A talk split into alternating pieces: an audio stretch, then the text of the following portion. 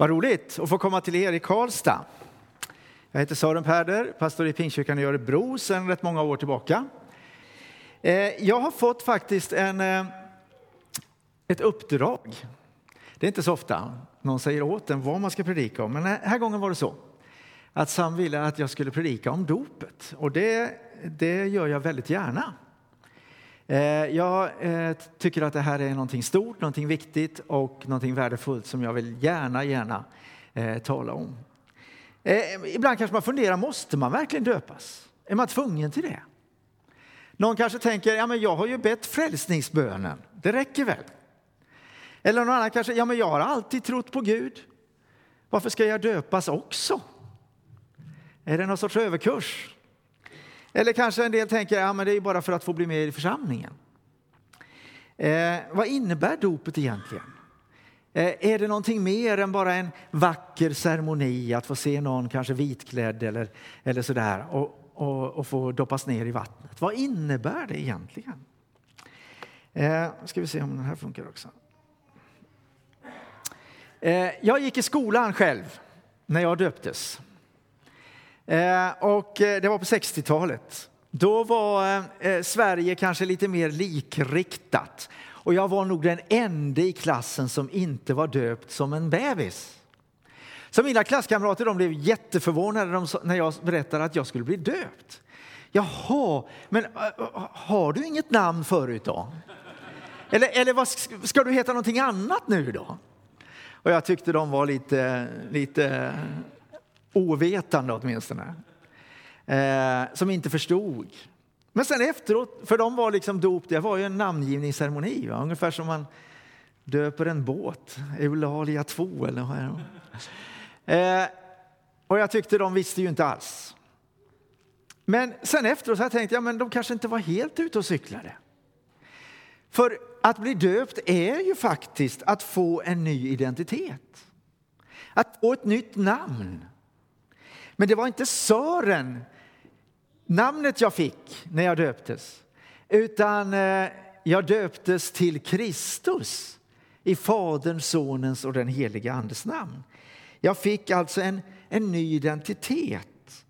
Jag blir något som jag inte var förut när jag döps. Jag får nya förutsättningar. Jag kan en nioåring veta vad man gör? Ja, det är inte så att jag egentligen rekommenderar att man ska döpas så ung. Men jag vet att jag, det var på riktigt för mig.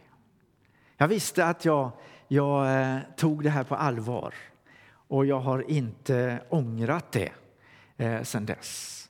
Eh, jag tror att eh, dopet är något viktigt och avgörande och jag skulle vilja e-, Egentligen så begriper jag inte än idag allt vad dopet innebär. Men jag vill gärna tala om det utifrån Guds ord därför att jag tror att det är någonting mer än en vacker ceremoni.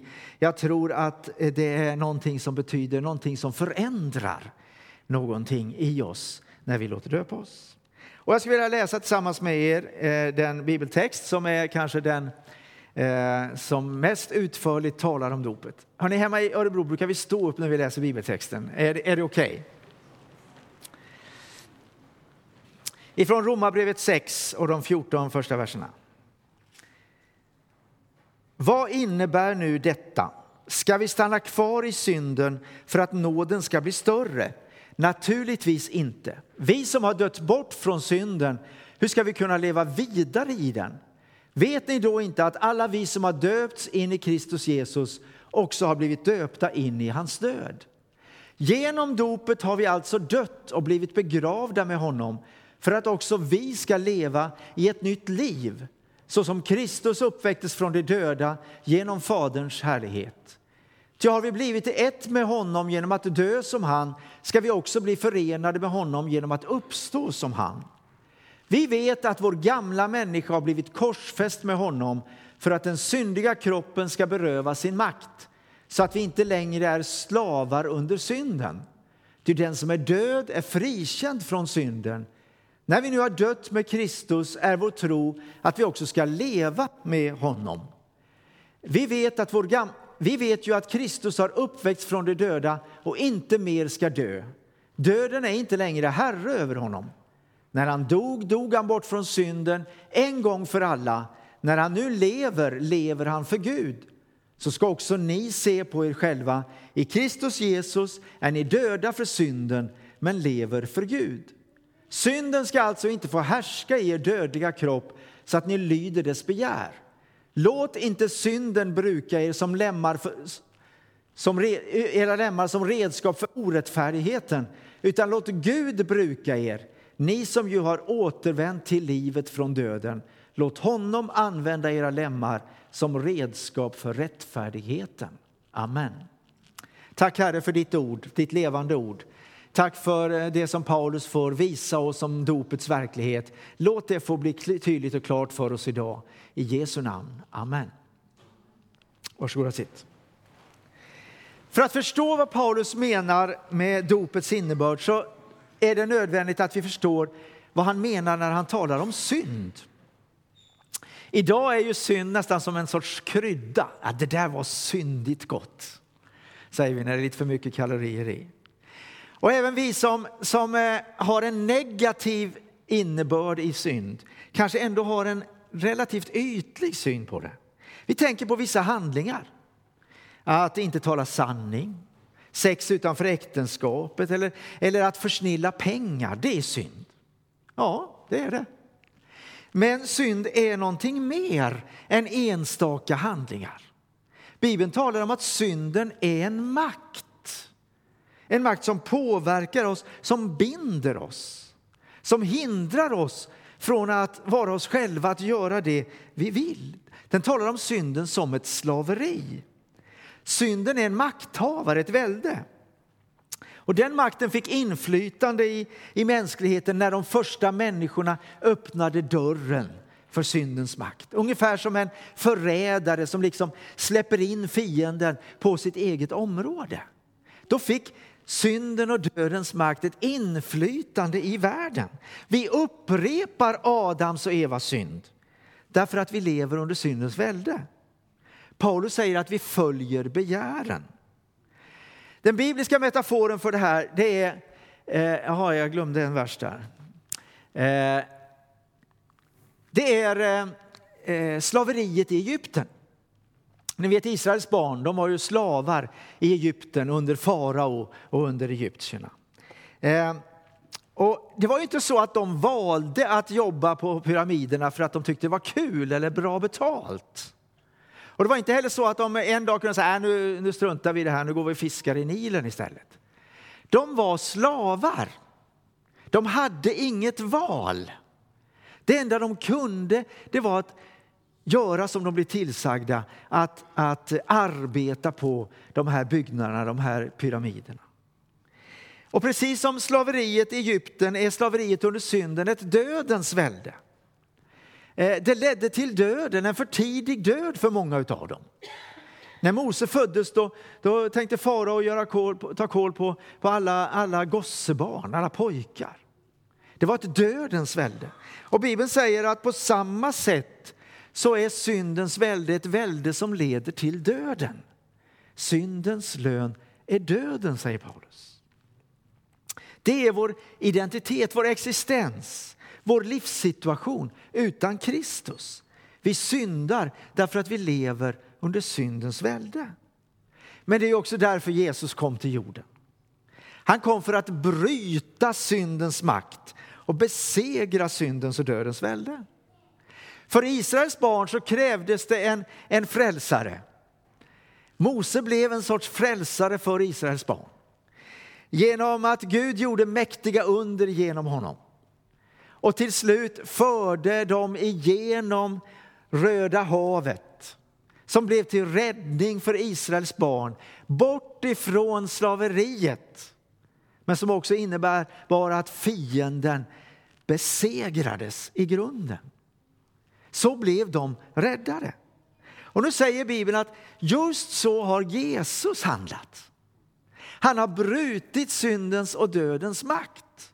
Han har befriat oss genom Kristus Jesus. Och ni som var döda genom era överträdelser och ert oomskurna tillstånd, er har Gud gjort levande tillsammans med Kristus i och med att han förlät oss alla våra överträdelser och drog ett streck över det skuldebrev som belastade oss med lagens krav. Han har utplånat det genom att spika det på korset. Han avväpnade härskarna och makterna och utsatte dem för allas förakt när han triumferade över dem genom Kristus. Gud triumferade över makterna när han Eh, eh, i Kristus besegrade syndens och dödens makt. Och det är den segern vi får del av genom dopet. I dopet förenas vi med Jesus. Hans död blir vår död, hans begravning vår begravning och hans uppståndelse blir vår uppståndelse. I dopet byter vi så att säga sida. Vi går från syndens och dödens välde till livets och frihetens välde. Precis som Israels barn gick ifrån slaveriet i Egypten genom Röda havet så gick de till friheten i Kanaans land. På samma sätt betyder dopet för oss att vi får bli befriade. Vi får ta emot den befrielse som Jesus har vunnit för oss genom sin död på Golgata. Och det här är en dubbel befrielse. Dels är det en befrielse från skuld. Kolosserbrevet sa att Gud förlät oss alla våra överträdelser och drog ett streck över skuldebrevet. Visst är det ett underbart språk? va? Vi förstår vad skuldebrev är, det som anklagar oss, det som talar om allt fel vi har gjort. Gud drog ett streck över det. Jag till och med spikade det på korset. Det är borta. Eh, och, och genom att vi dör med Kristus så blir vi frikända från vår synd. Vi blir förlåtna, vi blir befriade.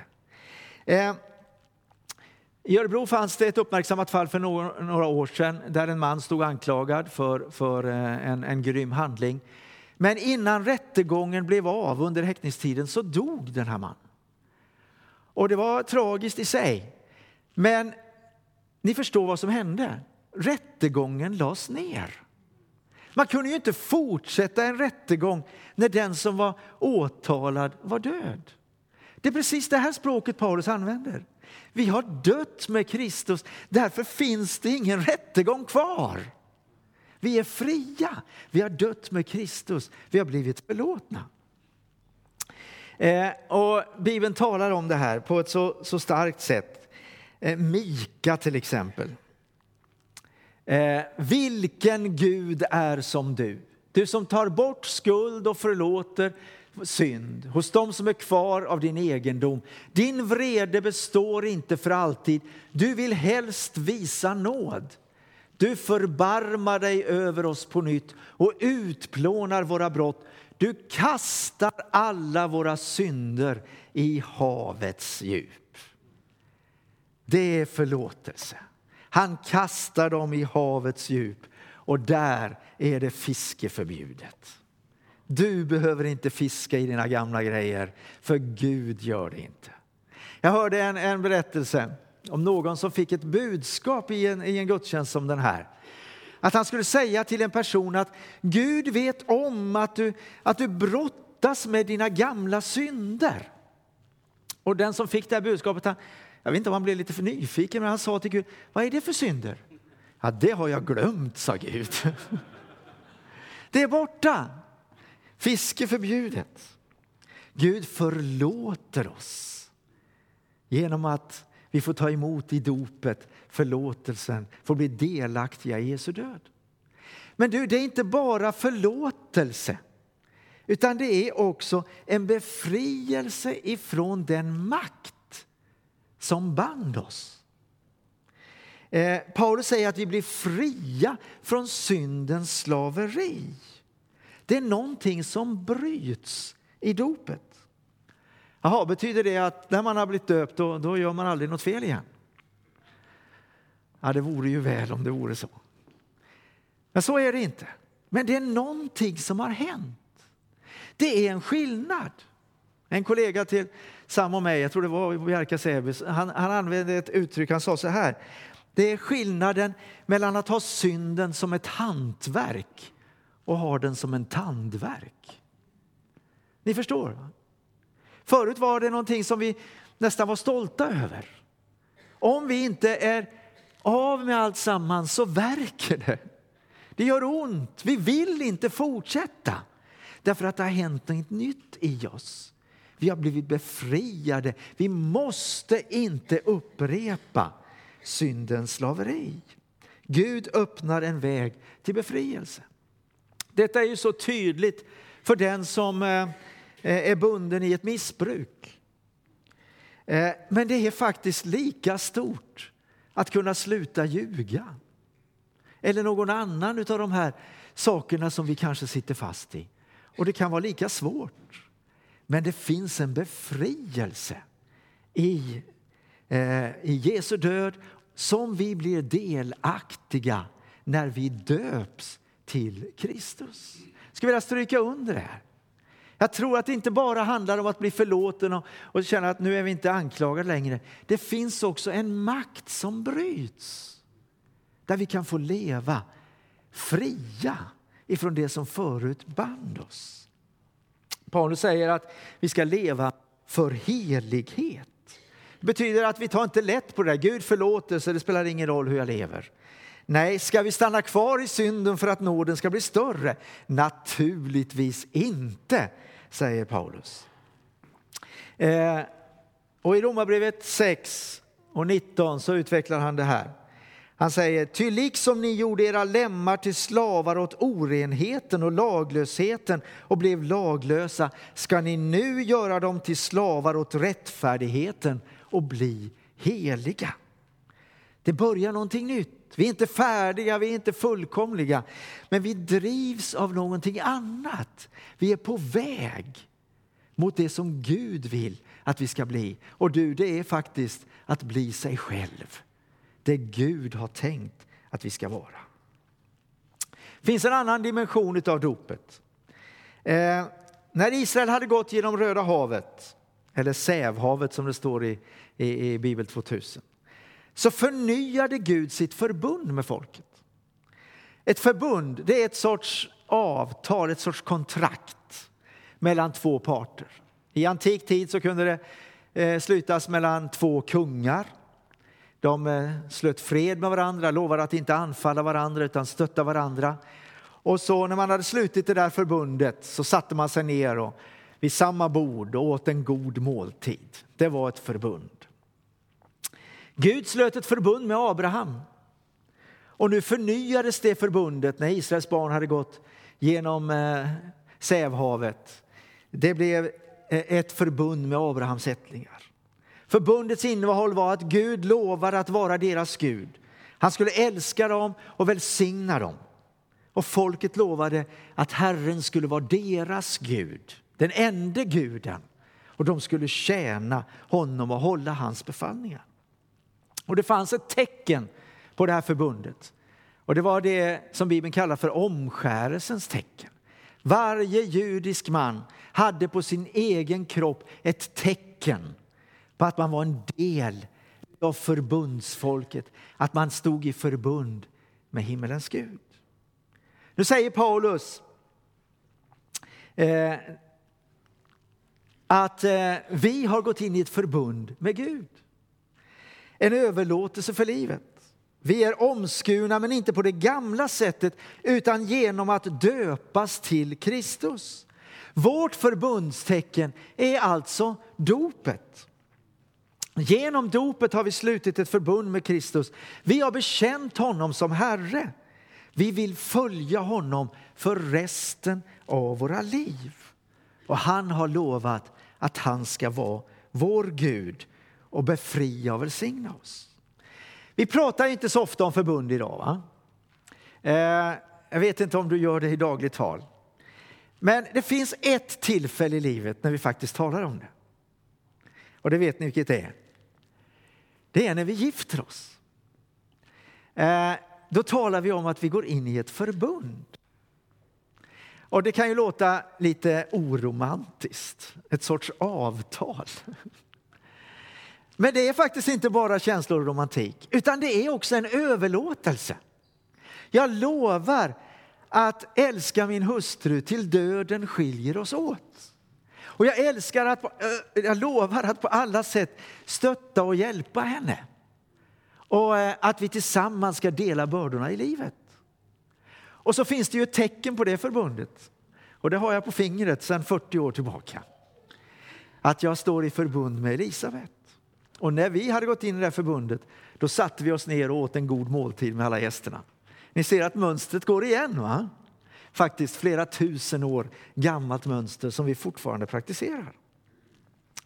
Vi har ingått ett förbund med Kristus. Vi har bekänt honom som Herre. Han har lovat att rädda och hjälpa oss och tecknet på det är förbundet. När du döps till Kristus, då deklarerar du han är min Herre. Och för resten av mitt liv vill jag följa honom och vara hans tjänare. Och inom parentes så är det just därför jag tror att, att, eh, att det är ett, dopet är ett troendedop. Alltså det är två parter som båda vet vad man gör som går in i det här förbundet. Eh, Gud vet vad han gör. Och vi praktiserar dop när man själv har kommit till tro när man vill gå in i detta förbund och göra den där överlåtelsen. Och också så tror jag att det här betyder att dopet är lika viktigt oavsett hur vår, vår livshistoria ser ut. Precis som två personer som gifter sig, deras kärlekshistoria kan ju se väldigt olika ut. Det kan vara att man eh, eh, har vuxit upp tillsammans i, i samma kvarter. Man har lekt i sandlådan, man har cyklat ihop och åkt moped när man blir 15. Och, och så plötsligt så upptäcker man att den där tjejen hon är, hon är inte så dum egentligen. Det är inte bara en kompis. Jag undrar om jag inte är kär.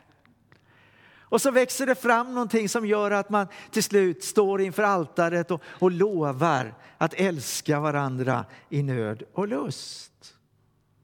Eller kärlekshistorien kan se ut så att man möts i, i vuxen ålder och plötsligt blir stormförälskad och så går det tre månader och så gifter man sig. Och så står man inför samma altare och lovar. Va? Oavsett hur bakgrunden ser ut så är ju själva överlåtelsen lika viktig. Jag tror att det är lika viktigt som det är för den som blir nyfrälst i vuxen ålder och, och, och dramatiskt omvänd att få följa Kristus och, och markera övergången. Lika viktigt är det för den som har vuxit upp och där tron liksom alltid har funnits som en naturlig del av livet att få en punkt där man säger nu vet jag vem jag tillhör. Nu har jag visat både Gud och mig själv och min omgivning. Jag vill vara med Jesus. Det är mitt val. Det är ingen annan som har sagt åt mig. Jag har bestämt mig. Jag vill följa Jesus. En ny tillhörighet.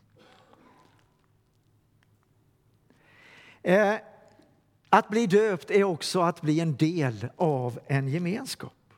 Det är inte en personlig grej bara. Det är inte en religiös kick som jag får och så, och så fortsätter jag mitt, mitt individuella liv så att säga. Utan när vi döps så döps vi in i en gemenskap. Alla är ni nämligen genom tron Guds söner i Kristus Jesus. Är ni döpta in i Kristus har ni också iklätt er Kristus. Nu är ingen längre jud eller grek, slav eller fri, man eller kvinna.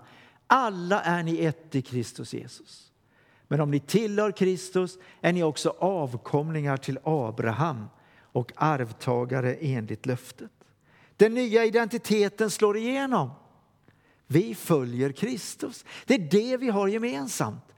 Och därmed är vi också, den som är förenad med Jesus är också förenad med alla som är förenade med Jesus.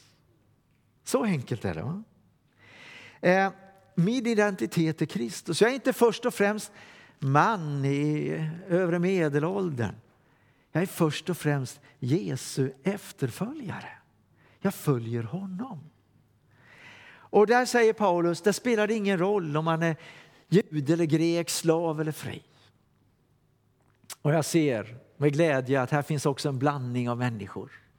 Unga och äldre. Sådana som är 75 generationen svensk och för den som kanske nyss har flyttat hit. Vi tillhör en och samma kropp därför att vi tillhör Kristus. Svensk eller asylsökande, välutbildad eller knappt har gått i skolan, från villaområde eller hyreshus. I Kristus är vi ett. Och därför tror jag att det är bibliskt att porten in i församlingen det går genom dopet. Där vi får den här nya identiteten. Vi blir en del av Kristi kropp. Funderar du på att låta döpa dig? Ta kontakt med, med någon här i församlingen och få samtala vidare, fundera, ställa dina frågor, få läsa Bibeln. Men vänta inte för länge. Det här är en välsignelse som du inte ska missa. Att få bli en del av Kristi kropp, en del av hans församling. Du som är döpt, du har en ny identitet, du är i Kristus. Du är inte längre under syndens och dödens välde. Det finns en möjlighet att få leva på ett nytt sätt. Och det är också en utmaning, bli det du är. Låt livet få stämma överens med bekännelsen som du har gett i ditt dop, att leva tillsammans med Kristus och att få vara en del av en gemenskap, en unik gemenskap därför att vi tillhör Kristus och följer honom. Hörrni, det här är välsignelsen med dopet. Jag skulle inte vilja vara utan det. Jag är glad att jag redan som, som så ung fick ta det där steget och att jag får hålla fast vid att det är min väg. Jag tillhör Kristus. Jag står i förbund med honom. Ska vi be tillsammans? Tack Herre Jesus för den väg som du har öppnat. Herre, tack för att du har öppnat en ny och levande väg. Tack för att du har förlåtit oss all vår skuld.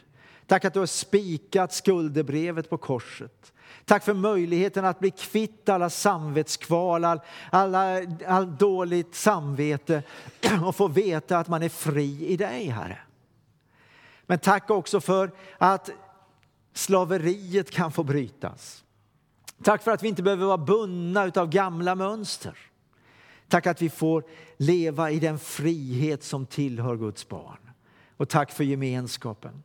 Tack Herre för att få tillhöra ett sammanhang där människor med olika bakgrund, med olika syn på livet får vara förenade i dig. Tack för storheten i detta Jesus. Innan jag säger amen så skulle jag rikta mig speciellt till dig som kanske är bunden på något sätt.